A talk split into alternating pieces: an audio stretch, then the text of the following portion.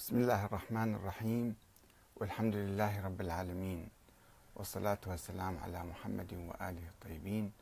ثم السلام عليكم أيها الأخوة الكرام ورحمة الله وبركاته.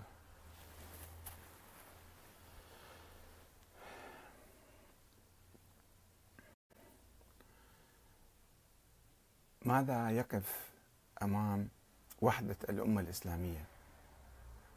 هل القرآن الكريم هو الذي يفرق المسلمين وهو الذي يقول وأن هذه أمتكم أمة واحدة وأنا ربكم فاعبدون وفي آية أخرى وأنا ربكم فاتقون أم الرسول الأعظم صلى الله عليه وسلم الذي دعا المسلمين إلى الوحدة هو الذي يفرق بينهم حاليا؟ طبعا لا القرآن الكريم ولا الرسول الأكرم ولا حتى أهل البيت ولا الصحابة الكرام. إنما هذه التفرقة التي مزقت المسلمين عبر التاريخ عبر ألف وكذا مئة سنة هي الخرافات والأساطير والنظريات المبتدعة المفتعلة التي ألصقت بالإسلام. أو ألصقت بأهل البيت. وإذا أردنا أن نوحد المسلمين فلا بد أن نعيد النظر بهذا التراث السني والشيعي. نقرأه من جديد ونتأمل فيه وننظر فيه ونجتهد فيه. لا نقلد آباءنا وأجدادنا وما ورثناه من السابقين. مع الأسف الشديد المدارس الدينية العلمية الحوزات والمعاهد والجامعات التي يفترض فيها أن تقوم بهذه المهمة مهمة الاجتهاد والنظر والتحقيق في التراث. نراهم ينكبون على هذا التراث وينامون عليه ويستغلونه لتعميق التفرقة بين المسلمين. ولذلك علينا على كل واحد منا أن لا يقلد أحدا في ذلك. وكما تعرفون كل العلماء إذا ومعظمهم يقولون بأن التقليد في العقائد حرام لا يجوز على كل إنسان أن يجتهد. طيب إحنا أمامنا الآن نظرية تسمى نظرية الإمامة الإلهية. أن الله تعالى نصب الأئمة من أهل البيت وجعلهم أئمة للمسلمين وقادة للمسلمين. وهؤلاء صاروا 12 واحد ف آه، صارت العقيدة الإمامية اثني عشرية. طيب هذه الاثنى عشرية ونظرية الإمامة من قبلها. هل هي نظرية أهل البيت أنفسهم؟ هل هي نظرية صحيحة؟ أم لا ملصقة زورا وبهتانا بأهل البيت؟ طيب لماذا الحوزات مثلا الآن لا يدرسون التاريخ الإسلامي وتاريخ أهل البيت؟ هل سمعتم هؤلاء على المنابر؟ الخطباء على المنابر مثلا أو هاي الفضائيات الآن؟ عشرات الفضائيات التي آه، ترفع راية أهل البيت ولكنها لا تتطرق إلى تاريخ أهل البيت لماذا؟ ما هو السر في ذلك؟ لأنه سوف تنكشف الأكاذيب والنظريات المفتعلة الوهمية الخيالية الأسطورية طبعا في نظرية الإمامة فقرات كثيرة وكما تعرفون أنا كنت من دعاة نظرية الإمامة وذهبت إلى السودان سنة 86 وأسست حركة شيعية في السودان. وكنت قد كتبت عدة كتب في أئمة أهل البيت ولكن بصورة سطحية بصورة سريعة بصورة يعني غير غير اجتهادية. وكنت أعتبر نفسي يعني على الأقل مثقف. أكتب في تاريخ أهل البيت ولكني لم أكن قد حققت كامل التحقيق في هذا التراث. وعندما قرأت سيرتهم من جديد ونقطة نقطة ولا أكتفي ببعض الأحاديث وبعض الشعارات وبعض التأويلات للقرآن الكريم لا لا يجوز أن الإنسان يبني عقيدته على هذه التأويلات الظنية أو الأحاديث الموضوعة. يجب أن يعرف الأحاديث الموضوعية الموضوعة من الصحيحة. قرأت الكافي قرأت الشافي للسيد المرتضى في القرن الرابع أربع أجزاء. وتلخيص الشافي للشيخ الطوسي ثم وجدت هذه الحقائق التي أعرضها أمامكم هذا اليوم وأنتم انظروا فيها. أنا لا أقول شيئا ولكن أنتم انظروا هذه الحقائق صحيحة أو لا ما أقوله الآن. هذا صحيح أم لا؟ أنا ذكرت المصادر كلها بالكتاب وبالصفحة وبالمؤلف. بإمكانكم تراجعوا هذه الأمور وتفكروا فيها شوية. وانظروا ماذا تستخلصون منها. هل تستخلصون أن أهل البيت كانوا يؤمنون بنظرية الإمامة الإلهية مثلا؟ أم هاي نظرية أربعة خمسة كانوا آه، مقتنعين فيها ومن الغلاة طبعا ويعني يؤمنون فيها وهم يختلفون فيها دائما. دائما يختلفون. الآن مناسبة ذكرى آه، وفاة أو ولادة الإمام الهادي. والناس يروحون يزورون قبر الإمام الهادي. طيب الإمام الهادي من هو؟ هل يعرف الناس؟ من هو الإمام الهادي؟ وهل هو إمام معين من قبل الله تعالى؟ أم عالم من علماء أهل البيت؟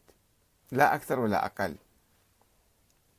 هذا يحتاج أن شوية نفكر شوية ندرس شوية نقرأ نحقق نبحث نتناقش حتى نشوف نعرف الحقيقة. وبالتالي هل نروح نتعارك على هؤلاء الأئمة إلى يوم القيامة وأن نختلف عليهم أم لا؟ قضية يعني علماء الله يجازيهم خيرا إن شاء الله. ولا أقول أكثر من ذلك. نظرية الإمامة عندما انبثقت وطلعت يعني في القرن الثاني الهجري واجهت عدة عقبات عدة تحديات. أنه موضوع النص ما موجود. الوصية غامضة. كيف تنتقل الإمامة من واحد إلى آخر؟ هم لا يعرفون. الذين أسسوا وكتبوا ونظروا مشايخ الطائفة الشيخ الطوسي الشيخ الصدوق الشيخ المفيد الكليني هم يرتبكون عندما آه، نسألهم أن ينظموا هاي النظرية بشكل معقول مرتب كامل. ما عندهم أجوبة نسألهم هل يوجد نص على الأئمة؟ يقولون لا طبعا ما موجود نص. طيب موجود وصية دائما يقولون لا. كثيرا من الأحيان الوصية ما موجودة أو غامضة أو متعددة في عدد من أبناء الأئمة. طيب هذه الوصية ما تصبح حجة؟ طيب ما هو الدليل على إمامة هذا الإمام أو ذاك؟ يقولون المعاجز. طيب المعاجز هذه النبي محمد صلى الله عليه وسلم ما جاب معاجز. الإمام علي ما جاب معاجز. الحسن الحسين ما جابوا معاجز. فشلون الأئمة يجيبون معاجز. وكيف تثبت هذه المعاجز إمامتهم؟ وكيف يصدق الناس؟ يعني ما هو الدليل على صحة حدوث هذه المعاجز؟ معاجز غير اختراعية يعني ناس مخترعية ولا ما لها حقيقة. هسه نقرأ المعاجز ونشوف. وأكثر من ذلك أنه بعض الأئمة آه، أعمارهم صغيرة جدا أطفال كانوا. أطفال عمره سبع ثمان سنوات. زين هل عين الله تعالى هذا الإمام؟ إمام للأمة الإسلامية لكي يقودها؟ يجيبوا لك آية نعم زكريا كان شكل يحيى كان شكل ما أدري نبي عيسى كان شكل ذلك أنبياء الله ذكرهم بالقرآن ما يمكن نقيس عليهم. خلينا نشوف نفس الأئمة شنو قالوا. الشيعة هذيك الأيام ماذا قالوا؟ وهذا الإمام إذا كان هو محجور عليه يعني ما يقدر يتصرف بأمواله يتيم طفل صغير يتيم عمره سبعة ثمان سنوات. بعده مو مكلف شرعا لا يصلي لا يصوم لا يحج. ثم آه، يعني محجور عليه أبوه حاط وصي عليه. لما يكبر أو هو وأخوته يكبرون فأعطيهم الأموال ملاتي لهم طيب إذا كان هذا الشخص محجور عليه ما يستطيع أن يتصرف بأمواله. شلون الله يخليه إمام للمسلمين ثم إذا هو طفل صغير من أين جاء بالعلم؟ كيف تعلم؟ من علمه؟ الإمام مثلا الرضا توفى في خراسان وابنه الجواد كان في المدينة. وهو سبع ثمان سنوات عمره. طيب كيف؟ من علمه؟ وترك قبل ثلاث أربع سنوات أيضا. فعلمه من وين؟ وحي نزل عليه؟ صار نبوة إذا وحي نزل عليه. صار مو أئمة صاروا أنبياء ذولا. وهذا مو معقول. بعيد عن بديهيات الإسلام أنه الوحي ختم بالنبي محمد بعد ما في واحد وحي بعده. نفس الشيء تكرر مع ابن الجواد الهادي الإمام علي الهادي. أيضا كان الإمام علي الهادي الجواد في بغداد توفى وابنه في المدينة. طيب كيف كيف أصبح هذا؟ يعني متى تعلم؟ وهو طفل صغير. خلينا نشوف شوية ماذا يقول الشيخ الكليني وماذا يقول مشايخ الطائفة الآخرون. مشكلتان واجهتا إمامة علي الهادي. الطفولة والسؤال عن مصدر العلم. علمه من وين جاي؟ هل يعين الله تعالى إماما للأمة الإسلامية؟ طفلا صغيرا محجورا عليه. معقولة؟ طفل محجور عليه يكون إمام الأمة الإسلامية يقودهم في الحروب وفي السلام وفي إدارة الدولة كلها الأمة الإسلامية كلها. شوفوا شلون النظريات يعني مو معقولة ولم يقل بها أهل البيت. تكررت مشكلة صغر عمر الإمام مرة أخرى مع ابن الجواد. أول شيء مع الجواد ثم ابن الجواد اللي هو علي الهادي حيث توفي أبوه في مقتبل عمره. ولما يكمل الخامسة والعشرين الجواد. وكان ولداه الوحيدان علي وموسى موسى المبرقع يسموه علي الهادي وموسى المبرقع كانا صغيرين لم يتجاوز أكبرهما السابعة. ولأن الهادي كان صغيرا عند وفاة الجواد فقد أوصى أبوه يعني الجواد بالأموال والضياع والنفقات الفلوس اللي عنده والرقيق عنده عبيد. أوصى به إلى أحد أوصى بكل ذلك إلى أحد أصحابه وهو عبد الله ابن المساور. شخص اسمه عبد الله مساور. قال له يابا أنت تصير وكيل على ذولا وصي عليهم. وأمره بتحويل الأموال إلى الهادي عند البلوغ. لما يبلغ مثل الآية القرآنية تقول فإن أنستم منهم رشدا فأتوهم أموالهم. لم بالغ رشيد يكون مو بعد ما يفتهم يعني. وشهد على ذلك أحمد بن أبي خالد مولى أبي جعفر. واحد كان مولى له خادمة وعبد عنده أو شيء من القبيل هسه تقولون هاي الرواية منين جبتها؟ عجيبة غريبة هاي الرواية. خلينا نسمع قرر الكافي. ذكر الكليني في الكافي أن أبا جعفر محمد بن علي الجواد قد جعل عبد الله بن المساور قيما على أموال أبنائه الصغار. وقد شهد أحمد بن أبي خالد مولى أبي جعفر أن أبا جعفر محمد بن علي أشهد أشهده أنه أوصى على علي ابنه بنفسه وأخواته وجعل أمر موسى إذا بلغ إليه. موسى الأخ الثاني إذا كبر أمر إلى الهادي. وجعل عبد الله بن المساور قائما على تركته من الضياع. يعني البساتين والأموال والنفقات والرقيق وغير ذلك. إلى أن يبلغ علي بن محمد صير عبد الله بن المساور ذلك اليوم إليه. إذا لما يبلغ يصير الأموال إليه يعني يعطيه إليه. يقوم بأمر نفسه وأخواته ويصير أمر موسى إليه. يقوم لنفسه بعدهما على شرط أبيهما في صدقاته التي تصدق بها. هاي الوصية متى صارت؟ بالتاريخ مسجلة. وذلك يوم الأحد لثلاث لثلاث ليال خلونا من ذي الحجة سنة عشرين ومئتين يعني 220 وكتب أحمد بن أبي خالد شهادته بخطه وشهد الحسن بن محمد الجواني على مثل شهادة أحمد بن أبي خالد في صدر هذا الكتاب. فوق مكتوب عليه. وكتب شهادته بيده وشهد نصر الخادم وكتب شهادته بيده يعني كم واحد وقعوا على هذه الوصية. هذا تلقوه في كتاب الكليني الكافي. جزء واحد كتاب الحجة. باب الإشارة والنص على أبي الحسن الثالث صفحة 325 زين؟ الآن صار الإمام الهادي موصى عليه محجور عليه ما يقدر يتصرف بأمواله. طفل يعني كان وهذا ما دفع الشيعة إلى التساؤل. إذا كان الهادي بنظر أبيه غير قادر على إدارة الأموال والضياع والنفقات لصغره فكيف يكون إماما؟ وكيف يقوم بالإمامة طفل صغير؟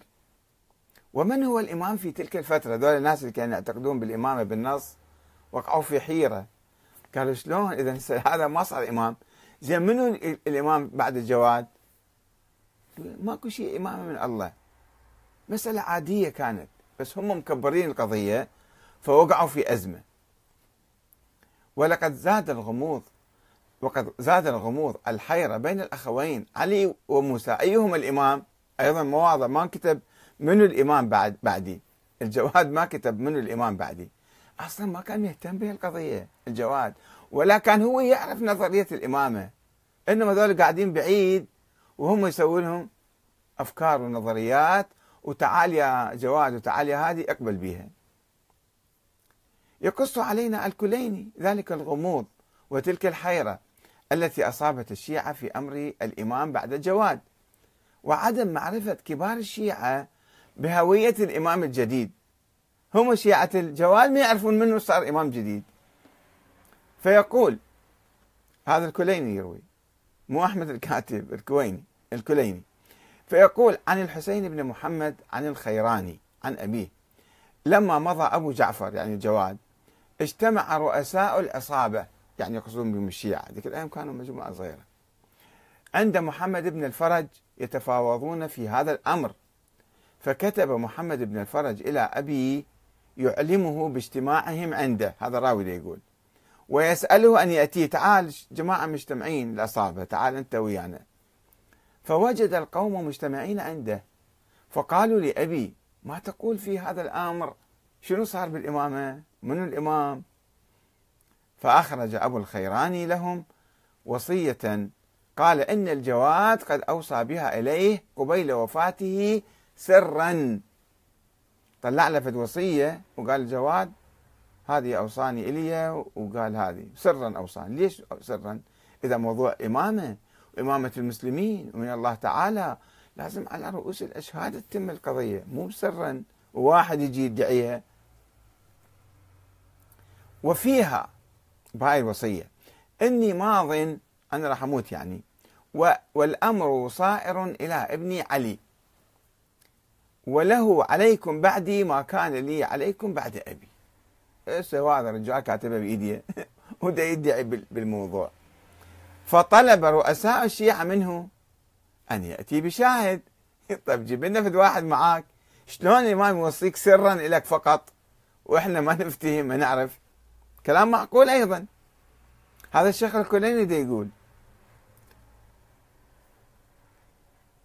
فقال لهم قد قد آتاكم الله عز وجل به. هذا أبو جعفر الأشعري يشهد لي بسماع هذه الرسالة. مو قبل شوي قلت سرا. شلون سرا وشلون واحد آخر سمعك؟ وسأله أن يشهد بما عنده. قال له اشهد أنت موجود أنت سمعت. تعال قول. فأنكر أحمد أن يكون سمع من هذا شيئا. هو استشهد فد واحد قال له تعال اشهد لي يعني. وذاك الواحد قال أنا أنا ما سامع. شوف شلون أكاذيب يطلعون من عندهم. ومفضحون نفس اللحظة يعني. فدعاه أبو الخيراني إلى المباهلة. قال له غضب قال تعال نتباهل شنو تتباهل؟ يعني هي قضية مباهلة. لو قضية إثبات شرعي لازم عندك دين وعقيدة وإمامة ومن الله. وتعال نتباهل بها يعني شنو صرت؟ نبي أنت يعني. فتراجع. قال لا لا أنا بطلت. أنا سمعت يمكن. وقال قد سمعت ذلك. أول شيء كذب. أول شيء قال ما سمعت. حسب الرواية. يقول أول شيء كذب قال ما سمعت. بعدين لما قلت عن قال ها إيه سمعت سمعت. خوف الرجال. وهذا مكرمة كنت أحب أن تكون لرجل من العرب لا لرجل من العجم. أنت واحد عجمي وأنا عربي. شلون أنت وصاك لك العجم وما وصى العرب.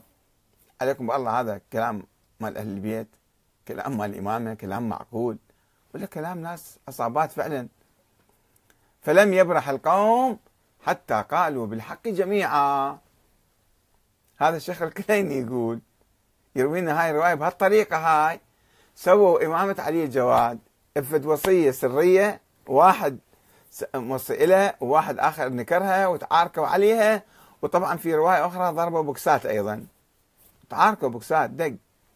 وبعدين يلا اتفقوا على هذا. مجموعة. متآمرة يعني. متآمرة على الأئمة ومتآمرة على التشيع ومتآمرة على المسلمين. هاي التفصيل كله تلقوه في كتاب الكافي للكليني. جزء واحد كتاب الحجة باب الإشارة والنص على أبي الحسن الثالث صفحة 324 وبعد يروي القصة نفسها, نفسها الشيخ المفيد في الإرشاد كتاب اسمه الإرشاد صفحة 328 فإذا كان في حيرة وغموض شلون نظرية دينية وعقائدية وبهالغموض وبهال يعني البساطة؟ وقد أدت هذه الحيرة وذلك الغموض في أمر الإمامة إلى انقسام ما تبقى من الشيعة الإمامية أتباع الجواد انقسموا قسمين. قسم يقول بإمامة الهادي وآخر يقول بإمامة أخيه موسى المبارك وبعدهم أطفال اثنين. بعدهم اثنين أطفال صغار وتعاركوا عليهم. هذا كما يقول النوبختي في فرق الشيعة صفحة 91 يقول انقسموا قسمين. النوبختي كان بأواخر القرن الثالث الهجري. الشيخ المفيد اجى في أواخر القرن الرابع يعني بعد 100 سنة تقريبا عنده. الشيخ المفيد كتب التاريخ مثل ما يحب مثل ما يريد. كيف؟ يكتب إيش ما يريد. فيقول شنو صار؟ زعم في كتاب الإرشاد أنه حدث الإجماع عليه. المف... النوبختي قبل 100 سنة يقول انقسموا الشيعة. المفيد يقول لا لا الشيعة كلهم اتفقوا عليه. منين جبت الكلام؟ وانت جاي بعد 200 سنة من القصة هذه. 200 سنة بعد جاي يقول حدث الإجماع. هذا في صفحة 328 وقد ادعى إسماعيل بن مهران أن الجواد أخبره بصورة خاصة بأن الأمر من بعده إلى ابنه علي الهادي. كل واحد جاء قام يدعي ادعاءات حتى يشوفون وين يودون الاتجاه منين. هذا أيضا الكليني في كتاب الكافي كتاب الحجة باب الإشارة والنص على أبي الحسن الثالث حديث رقم واحد. ولكن هذه الرواية لم تكن لتقدم أو تؤخر أو تشيد إمامة الهادي وهو طفل صغير. ما صار إمام. الشيعة ظلوا بدون إمام. واللي يفتيهم شوية راح دور له واحد آخر قائد أو كذا واتبعه من العلويين أو الهاشميين. ولما لم يكن الهادي يمتلك أدلة كافية أو نصوصا ثابتة على إمامته. ما كان عنده ولا هو ادعى الإمامة بهالشكل أنه من الله وكذا. صار زعيم وجاب بعدين متوكل قال له تعال يمي. لما كبر متوكل استدعاه وهو راح طبعا راح مو كراها. المتوكل ما كان يقدر يكره أحد. قعد يمه وبعدين الحسن العسكري ماتين قاعد يم الخلفاء الآخرين. يجون دول الإمامية اللي يريدون يسوون هاي النظرية دينية. شافوا النص ماكو؟ هاي هذا النص مالهم. وهاي الوصية مالتهم. وهذا الطفل الصغير اللي بعد محجور عليه هم يقولون محجور عليه الكليني يقول محجور عليه. وهذا حقيقة ثابتة يعني. طيب علمه ما ما معروف من وين؟ شلون صار عالم؟ بعدين قرأ كتاب درس. ما نعرف كيف صار عالم. بس أكيد ما نزل عليه وحي. ذول الغلاة يقول لا لم ينزل عليهم وحي. عندهم علم لدني. غيبي ملائكة تنزل عليهم. هاي كلها أساطير. هاي الأساطير هي التي تفرق المسلمين. متى ما تخلصنا منها؟ راح نتحد إن شاء الله. وحتى الشيعة يتحررون من الأساطير. طيب الآن كيف يسوون إمامته؟ ظلوا حيرانين. أنه هذا النص ما موجود وصية ما موجودة مو واضحة. هو أصلا طفل ما وصى إليه هادي كان طفل فالإمام الجواد ما وصى إليه. بس وصى بأمواله وكذا قال لواحد آخر قال له من يكبرون ذولا؟ اعطيهم الأموال لهم.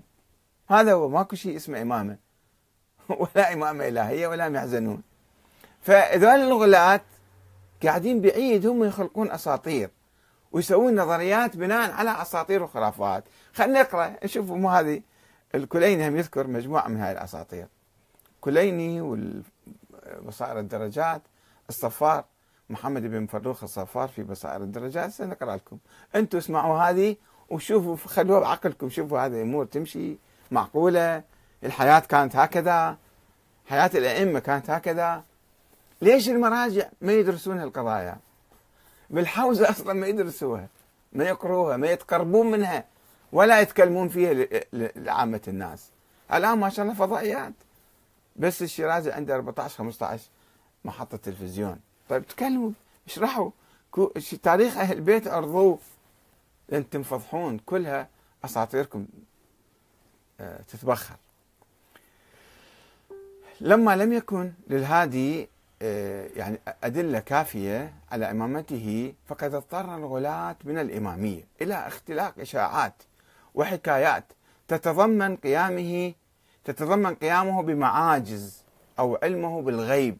كان يعلم الغيب الإمام فراحوا يدعون معرفته بوفاة أبيه في بغداد وهو في المدينة. بس أبوه جواد توفى في بغداد. نفس اللحظة عرف أنه هذا أبوه توفى. شلون؟ جاء علم غيب. في نفس الساعة في نفس الساعة عرف. ومعرفته بمرض أحد أبناء عمه غيبيا. فالواحد بعيد عنه. عرف أنه هذا صاير مريض. هذا علم الغيب ماله ومعرفته بمقتل الخليفة العباسي الواثق وجلوس المتوكل مكانه هو قاعد بالمدينة وعرف هذا بغداد قتلوه أو توفى يعني. ومقتل ابن زياد الوزير ماله. وهو في المدينة. الإمام كان في المدينة علي الهادي وعرف كل أحداث يصير بغداد تجي برقيات يعني. وقبل ستة أيام من مجيء أول مسافر من العراق هو عرف بسرعة. ونقل الهادي لرجل من أصحابه هو إسحاق الجلاب من سر من رأى إلى بغداد في طرفة عين. هيك عنده معاجز هذا صديقه كان بسامرة هو نقله لبغداد. ما أدري بشنو بصاروخ بطيارة نفس اللحظة وصل بغداد. هذا كان عنده شو قدرة يسوي يعني عنده شو معاجز يعني. وتحويل خان للصعاليك. خان كان مسافرين يدخلون فيه بالطريق.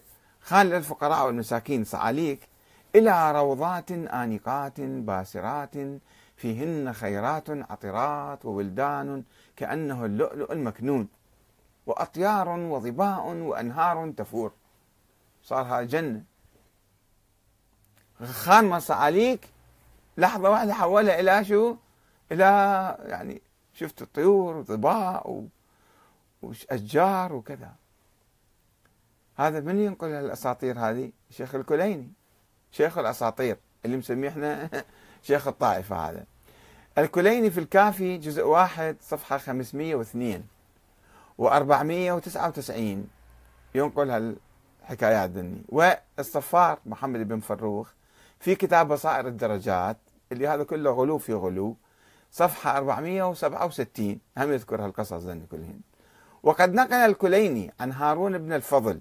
قال رأيت أبا الحسن علي بن محمد في اليوم الذي توفي فيه أبو جعفر الجواد.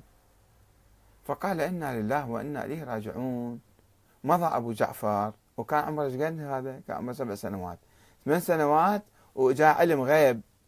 أبو توفى بغداد وهو عرف بالمدينة. فقيل له وكيف عرفت؟ حتى الناس تعجبوا لما قال على أساس هو قال هالكلام. فقيل وكيف عرفت؟ قال لأنه تداخلني ذلة لله لم أكن أعرفها. حتى النبي محمد ما كان يحكي هالشكل ما كان يتكلم بهالطريقة. بس دول مسوين تأليف تاريخ طيب هذا التاريخ يحتاج تحقيق. هذا من يروي الرواية هذه؟ الكليني. كل الكليني شوفوا. كليني والمفيد وذاك الصفار. كتاب الحجة في الكافي باب في أن الإمام متى يعلم أن الأمر قد صار إليه؟ حديث رقم خمسة.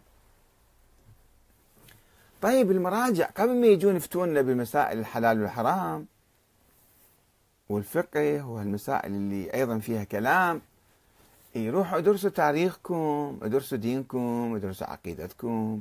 حققوا بهالروايات ابحثوا فيها ناقشوا فيها. مو تجون هالروايات حاطين نايمين عليها وساكتين. ليش تخافون الناس يتوعون يعني؟ ما أنتم مسؤوليتكم توعية الناس وهدايتهم إلى خط أهل البيت إلى مذهب أهل البيت. هو هذا مذهب أهل البيت؟ هاي الخرافات والأساطير. هي هاي مذهب أهل البيت؟ المشكلة ما يفكرون وما يقبلون يفكرون وما يقبلون واحد يفكر. أو واحد يتكلم أو واحد يبحث ويحقق. لا ويظلون عليه يطلقون عليه إشاعات واتهامات وكذا حتى يسقطوا. وشوفون المعارك الدائرة الآن على السيد كمال حيدر وغيره. لأنه شوية بدأ يعني يحقق ويدقق صار هذا من الضالين المضلين إحنا بحاجة أن نتحرر ما نقلد أي واحد. ما نتبع أي أي جاهل مو أي عالم. ما في عندنا علماء في الموضوع كله جهال. جهال ومقلدين. بحاجة إلى أن كل واحد يفكر. إذا كان يعتقد بالله ويعتقد بالنبي ويحب أهل البيت ويتعرف يحب يتعرف على مذهبهم فأنا أدعو كل إنسان إلى التحقيق إلى البحث إلى التفكير إلى مراجعة التراث وغربلته. حتى نزيل الأشياء اللي تفرق بيناتنا تفرق بين المسلمين ومسوي من عندنا سنة وشيعة. شنو السنة وشنو الشيعة هي هاي الأشياء تفرق بيناتنا. هي هاي على أساس نتعارك ونتقاتل وواحد يكفر الثاني. الأمل في فيكم في كل واحد من عندكم. والسلام عليكم ورحمة الله وبركاته.